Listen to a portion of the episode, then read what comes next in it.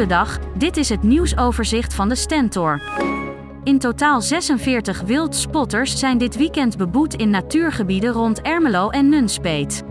Zij waren doelbewust na zonsondergang in het bos om foto's te maken van burlende edelherten. Het is niet toegestaan om je hier s'avonds te begeven en bovendien zorgt aanwezigheid voor stress bij de dieren. Alle overtreders kregen een boete van 109 euro. De overheid moet domeinnamen van eigen belangrijke websites zo snel mogelijk aanpassen naar .gov of overheid. Dit om de verdere opruk van cybercriminaliteit de pas af te snijden, adviseert een grote groep deskundigen. Het is momenteel voor veel Nederlanders niet makkelijk om zeker te weten dat een website van de overheid is of toch een valstrik. Dat is volgens experts echt schandalig. Nederlanders overspoelen Duitse supermarkten. Nu de prijzen van levensmiddelen en brandstof in ons land maar blijven stijgen, lijkt boodschappen doen over de grens aanlokkelijk.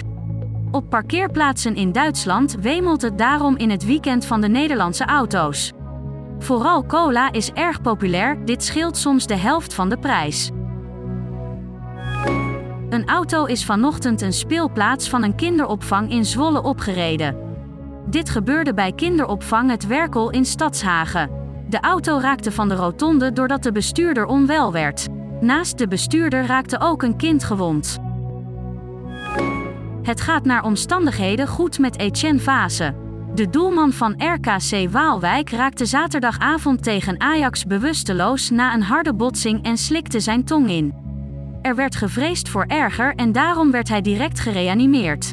Na één nacht in het ziekenhuis is Fase gistermiddag weer naar huis gegaan.